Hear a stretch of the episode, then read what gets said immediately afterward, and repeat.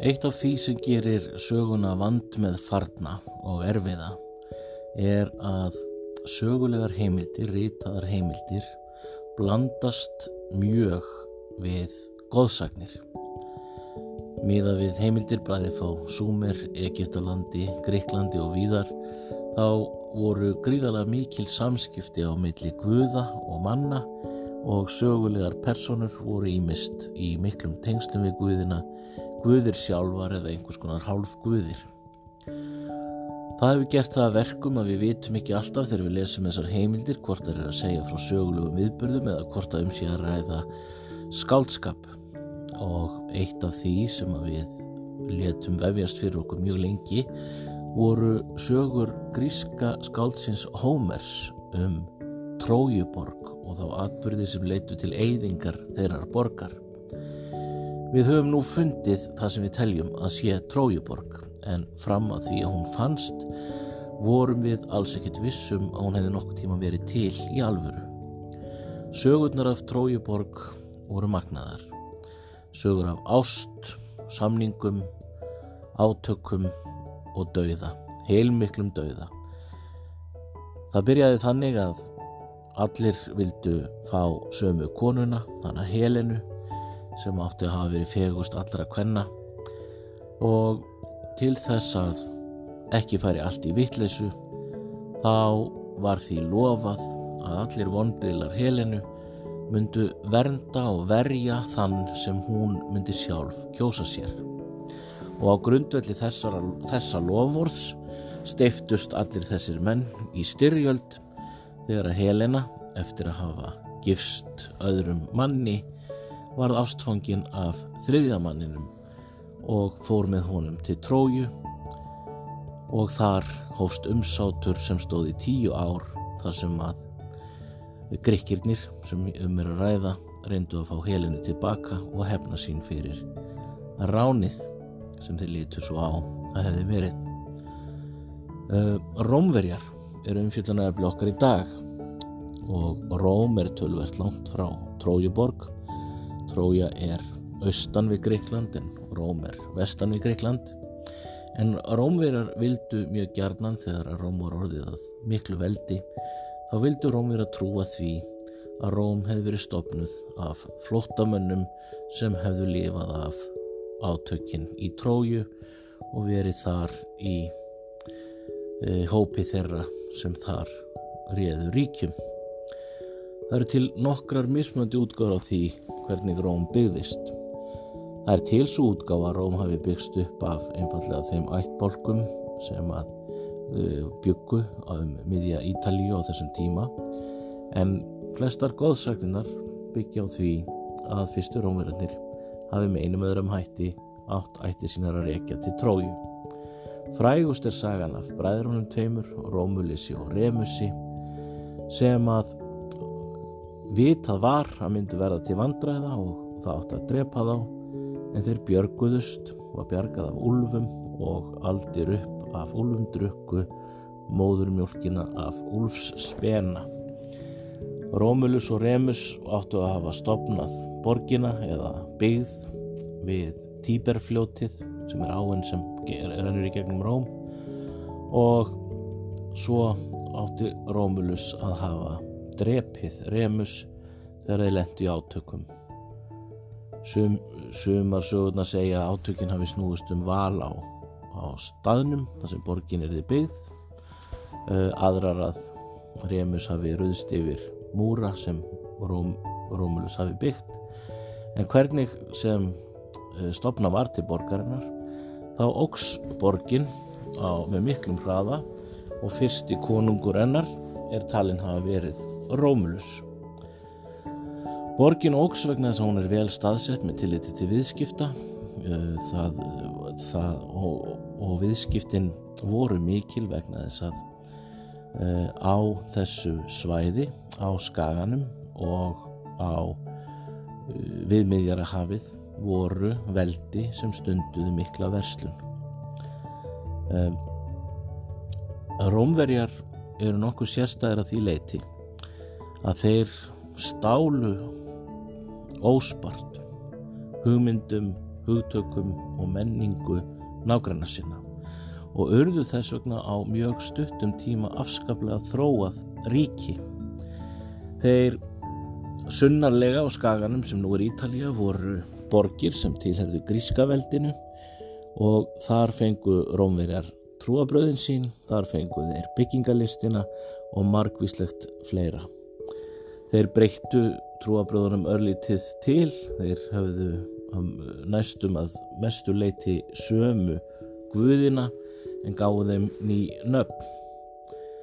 Í norður hlutaf, eða norðan við, norðan við uh, Róm byggu síðan etrúar í etrúríu og frá þeim fenguð þeir margvíslega ráð, þar voru borgir þar sem fólk lefði miklu munaðalífi hafði það mjög gott.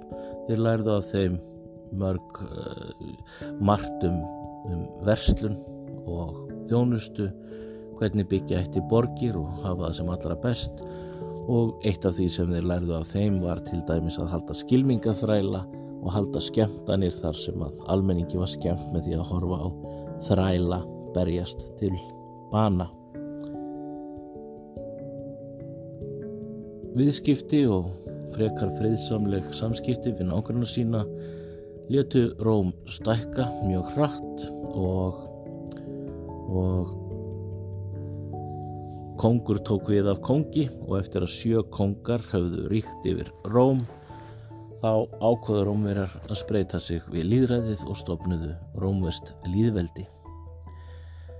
Á þeim tíma eru rómverjar farnir að verða það tilkomimiklir og valdamiklir að þeir fara að fara með hernaði gegn nágrunum sínum og rómverska veldið, þó ekki heimsveldið sem síðar átti eftir að verða, en rómaveldi, líðveldið, stækkaði mjög hratt og dreifðist um þess um margvíslega svæði.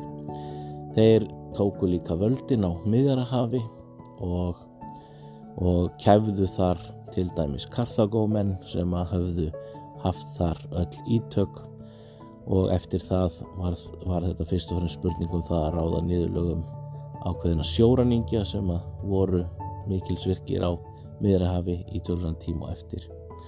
Rómverja voru bísna miskunarlausir og grimmir í aðgerðum sínum og ef þeir töldu, ef þeir töldu að sérstæði mikil ógn af fólki eða ættbólkum þá výluð þeir ekkit fyrir sér að fremja þjóðamorð eða tortíma algjörlega heilu borgunum eins og þeir gerðu raunar við Karthagóborg þannig að þeir ekki, ein, e, e, ekki engöngu brendu allt í grunna og drápu fólk heldur stráðu síðan salti í, í svörðin til þess að hindra að þar geti nokkuð vaksið í bráð. Um, Rómir að fóra að flytja inn þræla frá öllum þessum svæðum sem eru lögð undir sig og settu þrælana í margvísleg störf heima í Róm. Og Róm sjálf fór að breytast og skiptast í yfirstjett og undirstjett þar sem að yfirstjettin var rík og lifði miklu sældarlífi en undirstjettin varð að einhverju leiti fátækari en var nokkur veginn til friðs og lengi sem hún fekk nú að borða og skemmtanir. Og hugtæki brauð og leikar sprettur af þessu að ef að fólk var yfirborskenda ánægu af til dæmi skemmtunum eins og skilmingaþrælum eða öðru og svo lengi sem það sveltur ekki þá er það mikið til, til friðs. Það var hins vegar ekki alltaf einfalt að vera, vera af lægri stjættum í Róm. Það var ekki auðvelt að fá störf því að þrælar gengur til flestra verka. Og það fór að gerast að, að yfir stjettin sapnaði í kringum sig undir stjettarmönnum í einhvers konar klíkur eða nánast mafjur þar sem að menn gengur erinda og jáfnvel flugust áltið á í valdabaráttunni í rómverska líðveldinu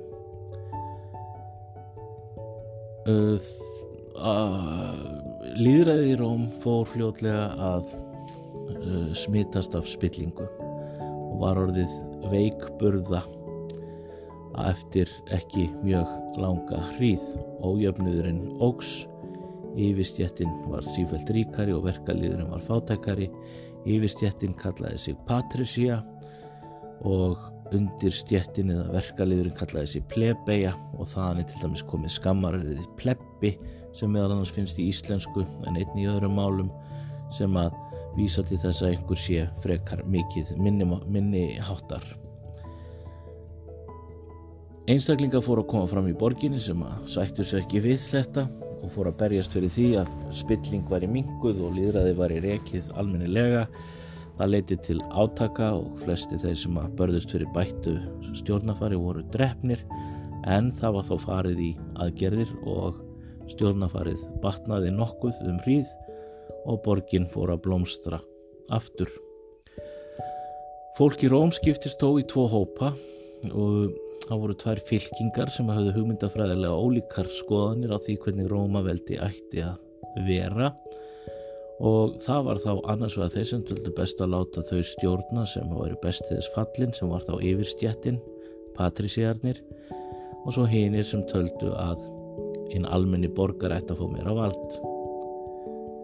Og meðal þeirra sem að tókust alltið á um þetta voru þrý stjórnmálamenn Markus Crassus, Gnaeus Pompei hinn Mikli og Július Caesar.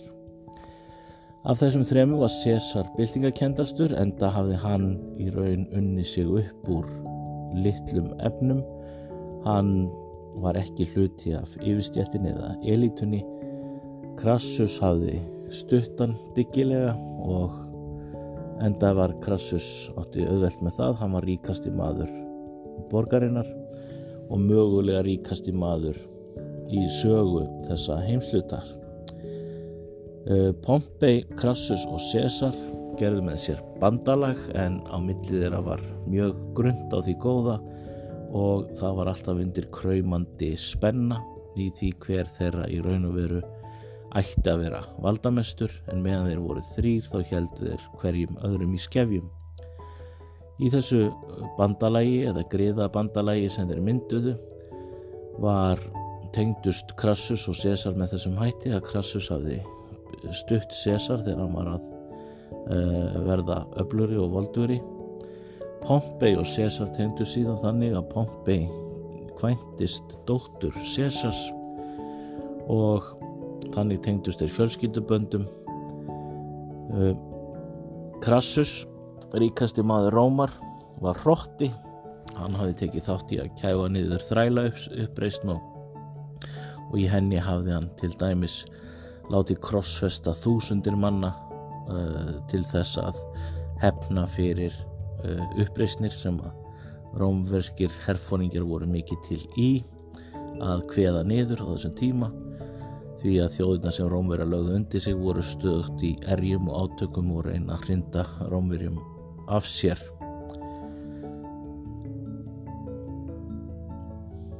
Pompei og Cæsar voru hins vegar miklu meiri og frægari herfóringjar heldur en okkur tíman Krassus. Pompei hafði stólið heiðrinum af Krassusi þegar að í þræla uppreysninni því að þó að Krassus hafði vunnið langmest af verkinu þá var það Pompei sem kláraði síðustu hópana og, og, og fekk allan heiðurinn. Uh, og Crassus hann var nánast græna vöfund út í þá Pompei og Cæsar því að Pompei og Cæsar voru frægir og mjög virtir herfóringjar og hinn rómveski, almenningurinn leitu upp til herfóringja Crassus ákvað því að fara í hernað og fá peninga til þess að geta farið í, í að, að tekið og stopnað hersveit til að fara í, í og hveða niður uh, vandræði út austarlega í Rómaveldi. Henn tókst ekki betur til en svo að hann gjör tapaði því stríði var að reyna að semja um frið þegar hann var handtekinn og síðan drepinn. Og eins sagan sagði að þeir hefðu vitað að af þessari græðki krassusa sem var allræmt hann var svo gráðugur að hann stopnaði fyrsta slökkvilið heims og, og kúaði fólk til að borga verndargjöld. Og, og þau sem ekki vildu borga máttu búast í því að það er kvikt í húsinu og svo myndi krassus mæta á með slökkviliðið og, og rukka fyrir þjónustu þess. En hann var handtekinn og einn sagan saði að þeir hefðu held bráðnu gulli ofan í hálsina honum til að drepa með því. Það hefði verið aftaka í stíl við græðgina. Krassus dó sem sagt og valda jafnvægið á milli þessara þryggja manna reyðlaðist þar með. Einning dó dóttir Césars eiginkona Pompeis og þá var fjandin laus. Pompei og César fóru í stríð hvort við annan Pompei vissi sem var að César hafði þegar hann varð á þessum 1-10-15 árum í að koma sér í þá stögu að verða svona valdamikill og frægur þá hafði César gert segur margvísleg brot, lögbrot og hann hafði farið við margar línur sem að lögin heimiluðanum ekki. Og nú ákvað Pompei að nýta vald Rómar til þess að sækja César til saka fyrir þetta allt saman og verða sjálfur valdamestur og einn einn um hituna. César var fyrirskipað að koma til Rómar og mæta þangað. En César vissi hvað klukkan sló og reglurnar voru þannig að þegar þú komst til Rómar þá, þá þurftur þú á, í ákveðinni fjarlæð frá borginni þegar þú komst inn, í, inn á Ítalju þurftur þú að leysa upp hersveitirnar og koma síðan sem óbreyttu borgari til borgarinnar og vera þar háður valdi öldungadeildarinnar sem að fór með stjórn borgarinnar ásamt þeim sem valdir voru í ennbætti til ákveðins tíma í senn. Það þurfti sérstaklega leifi til að með að fara með hermenn inn í Rómaborg en César ákvaðað hafa hunsað þetta allt saman og þegar hann mætti með hersveitir sínar að Rubikon fljótinu þar sem þessi mörg voru þar sem hann átti að leysa upp herin þá senda hann herin og undan sér yfir ána hikaði svo í smá stund og sagði svo á grísku því að César talaði yfirleitt grísku það gerði fína fólkið í Róm patrísiðarnir voru hrifnur af því að tala grísku þeim fannst það gáleira og virka svona virðulegra heldur að tala latínu. Latína var tungumál almenningsins. Hann saði köstum teningnum og fór yfir fljótið. Þessi setning er eina af þeim setningum sem þekktar eru sésar á nokkra svona setningar. Önnur er ég kom, sá og sigraði. En köstum teningnum er skemmtilegt frá að segja að, að svo setning er mjög fræg og þá í lat, lat, latnesku þýðingunni. Uh, í jakta aðlega est sem, sem hefur verið þýtt á íslensku sem teningunum er kastað. Og í þessu er tvöföld þýðingavilla. Í fyrsta lagi er í jakta aðlega est ekki rétt þýðinga á kostum teningnum heldur, heldur þýðir það teningunum, teningnum er kastað og svo í íslensku þýðingunni hefur teiningunum fjölgað og við höfum þýtt að sem teiningunum er kastað. Hvað sem því líður þá átti César við það að nú myndan annarkvort vinna eða tapa, hann verið að taka áhættu. Hann fór því með hersveitir sínar inn til Rómar. Pompei fréttir af því þar sem hann er í Róm að César sé á leiðinni með herin og hann flýr e, yfir til Gríklands, forða sér burt. César ákveður að nú að fara að mæta ekki fyrir öldungadeildina og lætur ekki dæma sig eða mætir ekki til réttarins heldur fyrir hægt og rólega að undibúa árási sínar á Pompei hann gerir sér færð til spánar þar sem hann vissi af hersveitum sem uh, hotlar voru Pompei og sér til þess að þær geri ekki nokkur skapaðan hlut. Og svo eldir hann Pompei og þeim lístur saman árið eftir. Árið eftir að César kemur til Rómar sem sagt. Og þar mátti litlu muna að César tapaði því Pompi var með mun stærri hér en, Pom en Pompi hafði þá ekki eh, stjórnað hersveitum í tölvert langan tíma og veitti ekki hersveitum Césars náðarhaugið heldur gafðum tækifæri raun til að sleppa. Og þetta sagði César við sinn hér að væri merkjum það að þeir væri að berjast við mann sem ekki kynni að grípa sigurinn þegar hann blasti við. Og það fer svo að César indist hævari herfóringi og Pompei flýði yfir til Egiptalands César ákveður að, að uh, ganga ekki hart fram gegn hermönum Pompeis. Hann uh, leifir þeim mörgum að ganga í sínar eigin hersveitir, þar á meðal manni sem að hétt Brutus. En Pompei ætlaði hann að drepa og hann ákveður að elda hann yfir til Egiptalands. Í Egiptalandi var hins vegar uppi mjög skrítin staða. Egiptar höfðu uh, sem sagt uh, trúabröð og stjórnmál í Egiptalandi höfðu blandast sama með þeim hætti að, að stjórnendur landsins, konungar landsins voru í raun og veru að áliti allra guðleir. Og það þýtti að egískir kongar gáttu í raun engum gifsnema öðrum guðum og enduðu þá því að giftast sístrum sínum. Og uh, sískinni uh, þóðu séu bæði uh, álitin guðleg uh, þeim lindir ekkert alltaf uh, og, og þarna um þetta leiti stóði yfir valdabaróta á milli sískinana það var kongurinn Ptolemius sem að var á úlingsaldri og svo sýstirans Kleopatra, eldri sýstirans sem að vildi stjórna. Og þau voru í átökum um það hvort þeirra myndi stjórna. Þegar að Pompei kemur til Egiptalands þá veit Ptolemius að, að César sigraði Pompei. Hann veit líka að César er mjög líklega að koma á eftir honum og hann lætur drepa Pompei uh, og Pompei fær ekki, að, fær ekki þau griði í Egiptalandi sem hann vonaðist eftir. Þegar César kemur nokkrum dögum setna þá er hann um aðfengt höfuð Pompeis og hring sem að Pompei hafi borið til að sanna drápið og Ptolemius býður Cesari að gerast ganga í lið með sér. En sýstir hans Kleopatra lætur lauma sér inn í herbyggi Cesars í, í þvottarúu og Cesar endar á því að ákveða að ganga í lið með henni og raunar eignast með henni són Eh, það mátti mjög litlu muna nokkrum sinnum að í því borgarastriði sem þar varð og César hafði með þessum hætti blandast í að César hefði hreinlega drepin í allavega eitt skipti þurfti hann hreinlega að flýja út í sjó til að bjarga lífi sínu.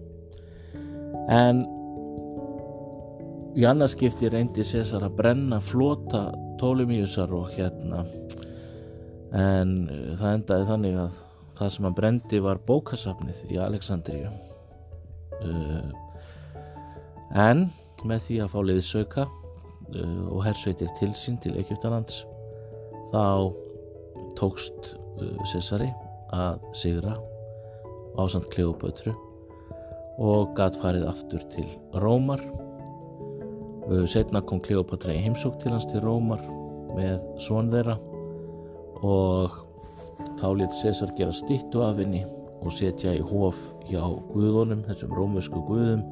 Það þótti ímsum afskaplega ósmekklegt og, og í raun og veru guðlast. En César var orðin það valda mikill að það gæti í raun enginn uh, sagt neitt. Hann var líka mjög vinsall hjá öllum almenningi. Almenningur var afskaplega hrifin af Césari og hann kom svona ró yfir stjórnafarið sem hafði með mjög tætt og, og, og svona í mikill upplaust, það hefur verið mikill spenna í Róm meðans út af þessum valdabröldi þeirra þryggja og, og átaka í veldungadeildinu og í stjórnkerfinu og fólki fannst bara í raun og það er eftir að vera bara komið skýran leðtúa og einhver fóru að kalla hann uh, keisara en, en hann var aldrei formlega séð keisari Þess í stað var hann, hann tilnemdur sem einræðisherra með diktator. Einræðisherrar voru stundum settir yfir Róm tímabundið ef eitthvað skona neyðar ástand var þá var öll völdin flutt til einnar mannesku en munurinn á því og þessu var að César var útnefndur einræðisherra það sem eftir væri af æfi hans. Það hópur þingmanna fór að brugga launráð, fór að undirbúa árásir á César. César vissi að eitthvað var í gangi en, en en hafði svo sem ekki miklar ágjur af því sjálfum fannst hún vera veikleikamerki að lappa um borg götur rómar með lífverði. Hann var það vinsæl meðal almennings að hann treysti sér til að sleppa lífverðunum og við raun og veru sendið á frá sér og tilkynnti síðan að hann verið að fara í herliðangur og þá kom upp daldið óðagott hjá þeim sem höfðu ætlað að skipulegja dráp Césars nokkur um öldungadildað þingmannum þeir óttust að hann myndi leysa upp öldungadildina og, og, og eiðileggja það sem eftir væri af líðræðin í Róm og heldu að, að mikilvægt var að koma í veg fyrir það. Þeir skipluðu það að fá César á fund í öldungadildinni og ráðast þar á hann og drepa hann. Uh, kona Césars átt að hafa fengið draum eða dremt draum uh, og saði manni sinu frá því. Hann César átti líka að var rætt við einhvern spákall og, og ákveði að fara ekki til fundar við öldungadeildina og afbóðaði sig. Uh, tilræðismennir verðu skelkaðir og sendu mann sem þeir vissu að César myndi ekki gruna um neitt á fund Césars og sá lokkaðan með sér út. Á leiðinni hópaðist fólk að Césari og, og, og eins og alltaf gerist þegar hann fór út á götur og þar einn af þeim sem þar komið til hans var grískur heimsbyggi kennari sem að kom og laumaði miða í hönd Césars og saði þú verður að lesa hana miða strax. En svo mikið af fólki var í kringu César að hann náði ekki að lesa miðan og þegar hann kom til á staðin þar sem að þingmenninni byðu sem var ekki í þinghúsinu því að þinghúsið hafi brunnið í stað þess heldur til í, í, í leikhúsi sem að Pompei hafði byggt. Pompei sjálfur erki óvinnur Césars og þegar César kemur þar inn þá er ráði staðanum fyrsti tilræðismadurinn kemur með hníf og stingur hann í hálsin César snýr sér við og stingur e, tilræðismannin með penna og er þá á sama tíma stungin sjálfur í síðuna með sverði. E, það e, svo stunga feldan og þá komi hinn í hlaupandi til og enda, á endingu var að stungin 23 svarsinnum. Í leikriti sem að William Shakespeare skrifaði með þetta átti César hafa sagt e tu brute á latínu líka þú Brutus því að þarna var einn af tilræðismörunum Brutus, maður sem hann hafi gefið líf eftir að hafa sigraðan í hersveitum Pompeis en César sagði ekkert slíkt það eina sem heyrðist voru óljóð og öskur. César fjall í jörðina blætti þar út og það síðasta sem hann gerði var að draga klæði sín fyrir andlit sitt til þess að, til þess að þau sæju ekki nýðurlægingu hans þegar hann myndi deyja. Og tilræðismenni heldu að þetta myndi verða vinsallverknaður þeir var að bjarga líðræðinu þeir fór út á götur og sögðu fólki að það væri frjálst. En það kom í ljós að almenningur var ekki á bandi tilræðismanna. Eh, það hópaðist túsundum saman eh, út á götur til stöðning Cesari og mætti í stórum hópum þegar lík Cesars var brent eh, og líðræðið í raun og veru hrundi á þessum tíma og upp frá því var Róm stjórnað af keisurum og við ræðum um þá sögu næst.